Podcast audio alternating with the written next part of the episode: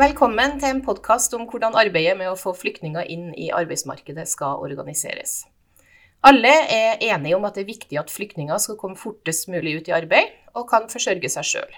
Og ikke minst er jo dette viktig for flyktningene sjøl. Det krever jo samarbeid mellom Nav-kontor, mellom kommunale enheter, sånn som voksenopplæringa og flyktningtjenesten, mellom arbeidsplasser og arbeidsgivere, og selvsagt også med flyktningen sjøl. Et viktig spørsmål er jo da hvordan man skal organisere det her samarbeidet. Hurtigsporet er en ordning som forsøker å hjelpe dem som har kompetanse, som er da spesielt etterspurt i Norge, til å komme ekstra raskt i arbeid. Jeg heter Gunn Elin Fedreim, og jeg er postdoktor ved UiT, Norges arktiske universitet. Jeg er prosjektleder for en studie som har undersøkt hvordan vi kan organisere dette kvalifiseringsarbeidet, sånn at flyktningene kan komme fortest mulig ut i arbeid. Vi ser også på utfordringer knytta til dette arbeidet. Denne studien har vært en del av et forskningsprosjekt som heter Arbeidsinkludering, læring og innovasjon i Nav, og vi kaller det ALIN som kortnavn. Og I det prosjektet har forskere ved UiT vært med og samarbeida med Nav i Troms og Finnmark i tre år.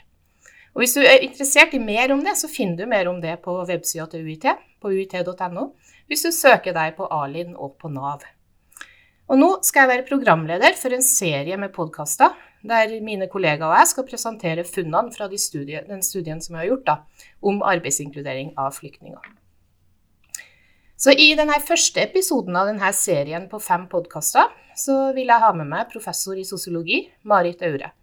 Og hun skal fortelle om forskningsprosjektet og om hovedfunnene fra studien. I andre episode skal vi høre mer om hva programrådgiverne i de lokale Nav-kontorene og flyktningtjenesten mener er utfordringen i arbeidet. Og da skal vi ha med oss universitetslektor Tina Hansen.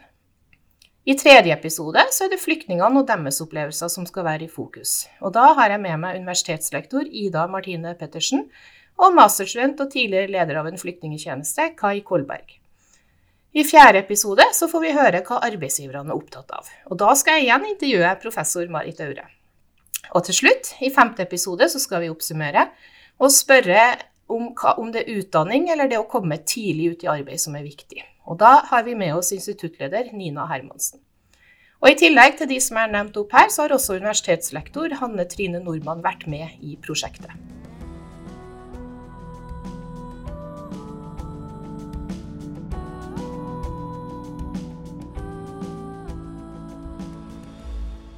Og nå er det da over til Marit og det som vi skal snakke om.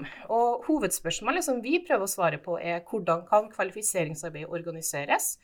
Og hvordan kan Nav samarbeide med flyktningtjeneste og arbeidsgivere for å lykkes med å hjelpe flyktningene inn i arbeidsliv og utdanning? Og så til deg da, Marit. Først og fremst velkommen. Kan du si noe om hvorfor det er viktig å forske på det her? Ja, takk for det. Ja, det er alle, slik at alle som har søkt asyl eller er sånn såkalte kvoteflyktninger og har fått oppholdstillatelse, har rett og plikt til å delta i introduksjonsprogrammet. Gjennom opplæring i norsk og samfunnskunnskap og praksis skal introduksjonsprogrammet bidra til at flyktninger skal komme i arbeid. Men flere evalueringer av introduksjonsprogrammet har vist at det ikke oppnår de resultatene som faktisk alle ønsker. Flyktninger har lavere deltakelse i og en mer usikker tilknytning til arbeidslivet enn andre grupper. Samtidig vet vi at det er forskjeller i arbeidsdeltakelse mellom flyktninger fra ulike land, basert på kjønn, alder, familie og utdanningsbakgrunn, slik som det er for andre innbyggere òg. Derfor er det viktig å se nærmere på hva man kan gjøre for at flyktningene får en best mulig tilknytning til arbeidslivet. Så det er altså en e-, enighet om at kvalifiseringsarbeidet fungerer for dårlig. Det er også klart at flyktningene trenger hjelp fra mange instanser for å etablere seg i et nytt samfunn. Hva vil du Gunnelin, si at vi vet om det her fra før? Det er jo gjort en del på det, og tidligere studier som f.eks. Juve med flere fra 2017 de viser at dette arbeidet kan jo organiseres på mange ulike måter, og man kan få gode resultater. Men samtidig så viser de jo at organiseringa har betydning for hva slags problemer man støter på underveis i arbeidet. Og det, Vi trenger jo mye mer kunnskap om det her. Eh, og det er også for lite kunnskap om hva som fører til den langvarige tilknytninga til arbeidslivet. Om det er utdanning, eller om det da er arbeidsretta praksis. Og det skal jo være tema i den siste podkasten som vi har. Ok, men Gunnhild, hva er den viktige med den studien her som du har leda? Jo, jeg tenker Det som er litt viktig, det er at vi har sett på tre kommuner som organiserer det her kvalifiseringsarbeidet på ulike måter. Og hvis De variasjonene i de kommunene det gjør jo at vi kan undersøke de utfordringene som følger med de her ulike måtene å organisere arbeidet på. Mm. Eh, hvordan er studien eh, dere har gjort lagt opp? Jo, Vi har intervjua over 60 personer som er involvert i det her kvalifiseringsarbeidet på forskjellige måter i de her tre kommunene. da. Eh, den ene gruppa er jo programrådgivere, som enten er ansatt i Nav-kontor eller i en flyktningtjeneste. Og det er de som skal hjelpe flyktningene med å planlegge hvordan de skal komme i arbeid eller utdanning. Da. Og så har vi jo intervjua arbeidsgivere, som da bidrar med enten arbeids- eller språkpraksis for flyktningene. Eh, vi har også selvsagt intervjua flyktningene sjøl. Og vi har intervjua andre kommunale enheter, sånn som f.eks. skole og voksenopplæring, og de som jobber innenfor flyktninghelsetjenesten. Da. Og de tre kommunene som vi har studert, de varierer jo veldig med hvordan arbeidsmarkedet ser ut i de kommunene, hvor mange flyktninger de mottar, og hvor lenge de har jobba med det her. De varierer også i størrelse, og også da hvordan de organiserer det arbeidet. Ja, Skal vi gå over til å snakke om selve hovedfunnene fra studien? Ja, det må vi jo. Og du Marit, har vært spesielt opptatt av organiseringa av det her kvalifiseringsarbeidet. Og det handler jo både om hvor kvalifiseringsarbeidet foregår, om det ligger på en måte i avdeling i et lokalt Nav-kontor, eller om det er i en egen enhet utafor Nav-kontoret. Og det handler jo òg om hvordan arbeidet er organisert ellers. Hva vil du si er de mest interessante funnene? Ja, For det første så er det slik at fordi det er så stor folkelig og politisk interesse for flyktningene sin arbeidsdeltakelse, så har man fått mange omstillinger og omorganiseringer i dette arbeidet. Så et overordna funn er at det her sliter på de ansatte, som ofte føler at de bruker mer tid på reformer og nye arbeidsmåter enn å faktisk utføre jobben sin. Vi sier ikke at det ikke kan være behov for omorganiseringer, men det må gjennomføres i samarbeid med de som faktisk skal gjøre jobben. Og Det er også viktig å forstå hvilke problemer en ny organisasjonsmodell skal bøte på. Løser egentlig nye tiltak de største utfordringene? Ja, og I prosjektet så har vi jo flere eksempler på at de lokale Nav-kontorene har gjennomgått flere omorganiseringer i løpet av det, de tre årene som prosjektet vårt har pågått. da. Men du sa stor interesse var det første punktet. Hva er det neste funnet du vil fremheve? Jo, Det andre funnet knytter seg til at selve behovet for organisering og koordinering det kommer av at vi spesialiserer oppgavene, altså en såkalt funksjonell differensiering. Fordi det er jo sånn at ingen kan absolutt alt. Så enhver organisering prioriterer noe over noe annet, og det skaper igjen behov for koordinering. Og En viktig spenning i organiseringa av kvalifisering av flyktninger er mellom spesialister på den ene sida og generalister på den andre. Ja, og hvorfor da? Jo, samfunnet er komplekst, og flyktninger trenger støtte på mange ulike livsområder. Og Det krever både spesiell kunnskap om flyktninger, og så krever det også en type generell kunnskap om Nav sine tjenester. Samtidig er det viktig at de, kom, at de kommer i arbeid og forsørger seg sjøl. Det krever spesiell kunnskap om arbeidsmarkedet, og kanskje om hvordan flyktninger kommer inn i arbeidsmarkedet. Så denne aksen, da, spesialist-generalist, den er både viktig i hvordan kommunene velger å organisere hele arbeidet med introduksjonsordninga, og hvordan Nav-kontorene jobber internt. Dermed spiller den aksen inn på to ulike måter. Ja, så Da er det jo tydelig at det er en diskusjon rundt det, den aksen, da, både i kommunene og i Nav-kontorene. Men Kan du si noe mer om hvordan kommunene velger å organisere arbeidet da, for å ivareta de hensynene her? Ja, For å forklare det her kan vi se på hvordan kommunene sjøl eh, organiserer selve introduksjonsordninga. Ofte dreier det seg om å prioritere en spesialistkompetanse om flyktninger og deres eh, situasjon. Eller da, som jeg sa i sted, en generalistkompetanse mer om regelverket, om velferdsstaten sine tjenester. Eh, Tenker man at kommunen skal prioritere flyktninger og deres situasjon som en spesiell gruppe som man trenger spesialkompetanse på, eller tenker man at flyktningene har behov for oppfølging på mange ulike områder? Ofte betyr en prioritering av spesialisert kunnskap om flyktninger at kvalifiseringsarbeidet plasseres utenfor Nav-kontoret. Mens en generalisttankegang, der man altså vektlegger en generell si, Nav-kompetanse, betyr at man plasserer kvalifiseringsarbeidet i det lokale Nav-kontoret. Så organiseringa av arbeidet i kommunene handler altså først da, kan du si, om innenfor eller utenfor Nav-kontoret. Men så ser vi også at spesialist-generalist-tankegangen også er viktig i Nav-kontoret.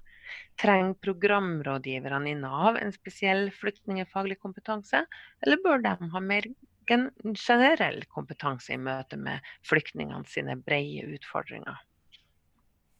Det er, jo ganske komplisert, det her. Men eh, det er jo sånn, jeg tenker, sånn som jeg skjønner, så er det snakk om eh, en sånn generalist-spesialistakse på to ulike måter. da. At det første er hvordan kommunen velger å organisere flyktningarbeidet, og hvor de velger å plassere det. Da Enten innenfor eller utenfor Nav-kontorene.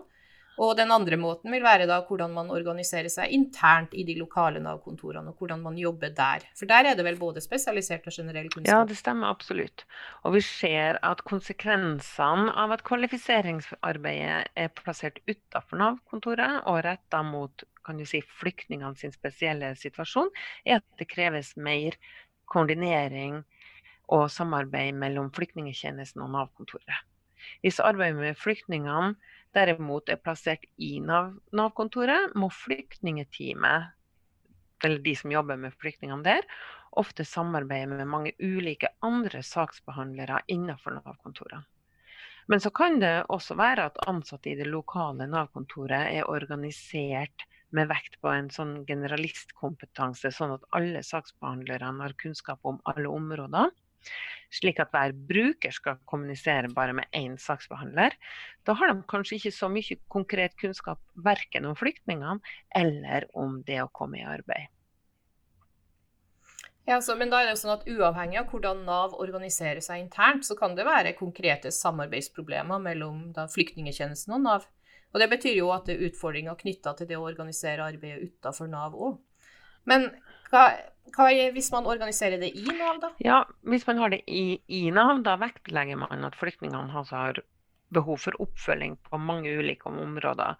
Og Da er spørsmålet igjen da, hvordan Nav-kontoret er organisert innad som, innad som generalister eller spesialister. Og Her kan det være i hvert fall tre ulike måter å organisere seg på. For det første, hvis man vektlegger kjennskap til alle ordningene i Nav og en generalistkunnskap, da blir det ikke plass til en veldig sånn spesialisert kompetanse om flyktninger. For det andre så kan man også vektlegge at denne brukergruppa har spesielle utfordringer, og at man dermed lager et flyktningeteam eller ei flyktninggruppe i Nav. Og da skal de jobbe med alt som omhandler flyktninger. Og så for det tredje, innad i et flyktningeteam vil det også variere om saksbehandlerne dekker alle flyktningene sine livsområder, og altså jobber som generalister innenfor flyktningefeltet på en måte, eller om noen jobber med å kvalifisere deltakerne og overlate til andre mer, de mer statlige oppgavene, som f.eks. Um, handler om veiledning med hensyn til sykepenger, svangerskapspermisjon og uførhet, som handler om stønader folk folk må ha for å leve. Så vi ser tydelig i prosjektet at kvalifiseringsarbeidet blir ofte nedprioritert i møter med det som informantene ofte kaller de såkalt statlige oppgavene. I intervjuene kommer det frem at arbeidet med kvalifisering av flyktninger litt kan drukne i de her uh, veiledning til de såkalt statlige oppgavene. Da. For flyktningene opplevelse kommer det her til uttrykk i om de skal møte én person i Nav-kontoret eller flere personer. Og Da er det ofte snakk om én som kjenner familien og situasjonen godt, eller om det da er flere som har mer spesialisert kunnskap om ulike tema eller livsområder. Men da peker du jo egentlig på at det er prioriteringsutfordringer knytta til det å organisere kvalifiseringsarbeidet i de lokale Nav-kontorene. Så med andre ord så kan det skape koordinering som er sånn samarbeidsproblemer hvis arbeidet organiseres utafor Nav. Og hvis du velger å organisere det i det lokale Nav-kontoret, så kan det skape prioriteringsproblemer. Ja, det, det er en god oppsummering. Dilemmaet med kvalifisering og det å hjelpe flyktninger inn i arbeidslivet, er at det krever både spesiell kunnskap om flyktninger, og også spesialisert kunnskap om lokale arbeidsmarked, kompetanse og utdanning. Samtidig så har flyktninger og deres familie ofte bruk for mange ulike tjenester og trenger et slags helhetlig oppfølging fra personer som har kompetanse både på flyktningenes situasjon og de mange ulike ordningene og tjenestene de behøver. Så uansett organisering må både generalister og spesialister i flyktningtjenesten og i Nav samarbeide med skole, helsevesen og arbeidsgivere. Så det her er komplekst. ja, uten tvil. Men jeg tenker det er jo òg i tråd med det som eh, tidligere forskning har funnet. Jeg tenker jo sånn som Tronstad fra 2015 viste jo at det, det er ikke noe sånn entydig resultat om hva slags organisering av introduksjonsarbeidet, og da snakker vi om det innenfor eller utenfor Nav, som best forklarer om flyktningene kommer seg i arbeid etter et introduksjonsprogram. Og Riksrevisjonen fant jo at det som kanskje har noe å si, det er samarbeidsformen da, mellom Nav og andre aktører. Og der vet vi jo fra flere tidligere studier at vanskelige, eller at de her lokale samarbeidsrelasjonene kan være vanskelige. Og da kan det være til hinder for et godt introduksjonsprogram. Mm. Og vår forskning er i tråd med tidligere forskning. Det vi har vist veldig tydelig da, er nettopp at det komplekse samspillet mellom organisering basert på generalist- eller spesialistkunnskap varierer med hensyn til om arbeidet med kvalifisering av flyktningene er plassert innenfor eller utenfor Nav-kontoret og de prioriteringene og koordineringsutfordringene de ulike organisasjonsformene fører til. I praksis betyr det at om en kommune velger en organisasjonsform, så må de altså være oppmerksom på hvilke konsekvenser det har for de prioriteringene de gjør, og de koordineringsutfordringene det fører til. Jeg kan si det sånn at En type organisering fører til at en kanskje ikke får nok spesialisert og helhetlig flyktninger og arbeidsmarkedskompetanse, og så må det sikres på andre måter. Mens en annen organisering gjør at flyktningene må snakke med mange forskjellige rådgivere og saksbehandlere som ikke kjenner dem og deres behov, men at mange av dem de snakker med, da har veldig spesialisert kompetanse. Mm. Men hvis du da skulle si noe om eh, hvordan kommunene bør organisere seg, vil du si at det er en enkel oppgave å si noe om? Nei, det er altså vanskelig. Men det vi kan peke på, er altså konsekvensene av ulike modeller. Og det er nyttig. Eh, sånn at vi, vi kan vite noe om hva det fører til, og hva man derfor må være oppmerksom mm. på. Og så er det jo sånn at Lokale trekk ved arbeidsmarkedet, størrelsen på kommunene og kjennetegn ved de ulike flyktningene sine behov og kompetanse også har stor betydning. Så det her er begrunnelsene for at kommunene må finne lokale løsninger. Med andre ord så sier vi at det er ikke ei felles løsning som vil passe for alle Nav-kontor og kommuner i landet. De mange organisasjonsformene og valgene som er krevende, de er også nødvendige. Ja. Men hvis vi da skal begynne å avslutte med å kanskje løfte fram eh, ett spørsmål som denne forskninga reiser, da, hva vil du si at det skulle være? Ja, Da tror jeg at jeg vil spørre om det er sånn at de som har mye kunnskap om flyktningene, også har nok kunnskap om hvordan arbeidsmarkedet fungerer for ikke-norske arbeidstakere? Og om arbeidet organiseres slik at de får brukt den kompetansen til flyktningene sitt beste og om de samarbeider godt nok med arbeidsgiverne. Og det var egentlig tre i ett, da. ja, det henger jo veldig godt sammen, da. Men eh, flott. Det var jo en bra oppsummering òg, det. Takk for eh, praten, Marit, og for de her interessante dimensjonene som du trekker opp. Og takk ja, for oss. Takk for at jeg fikk komme.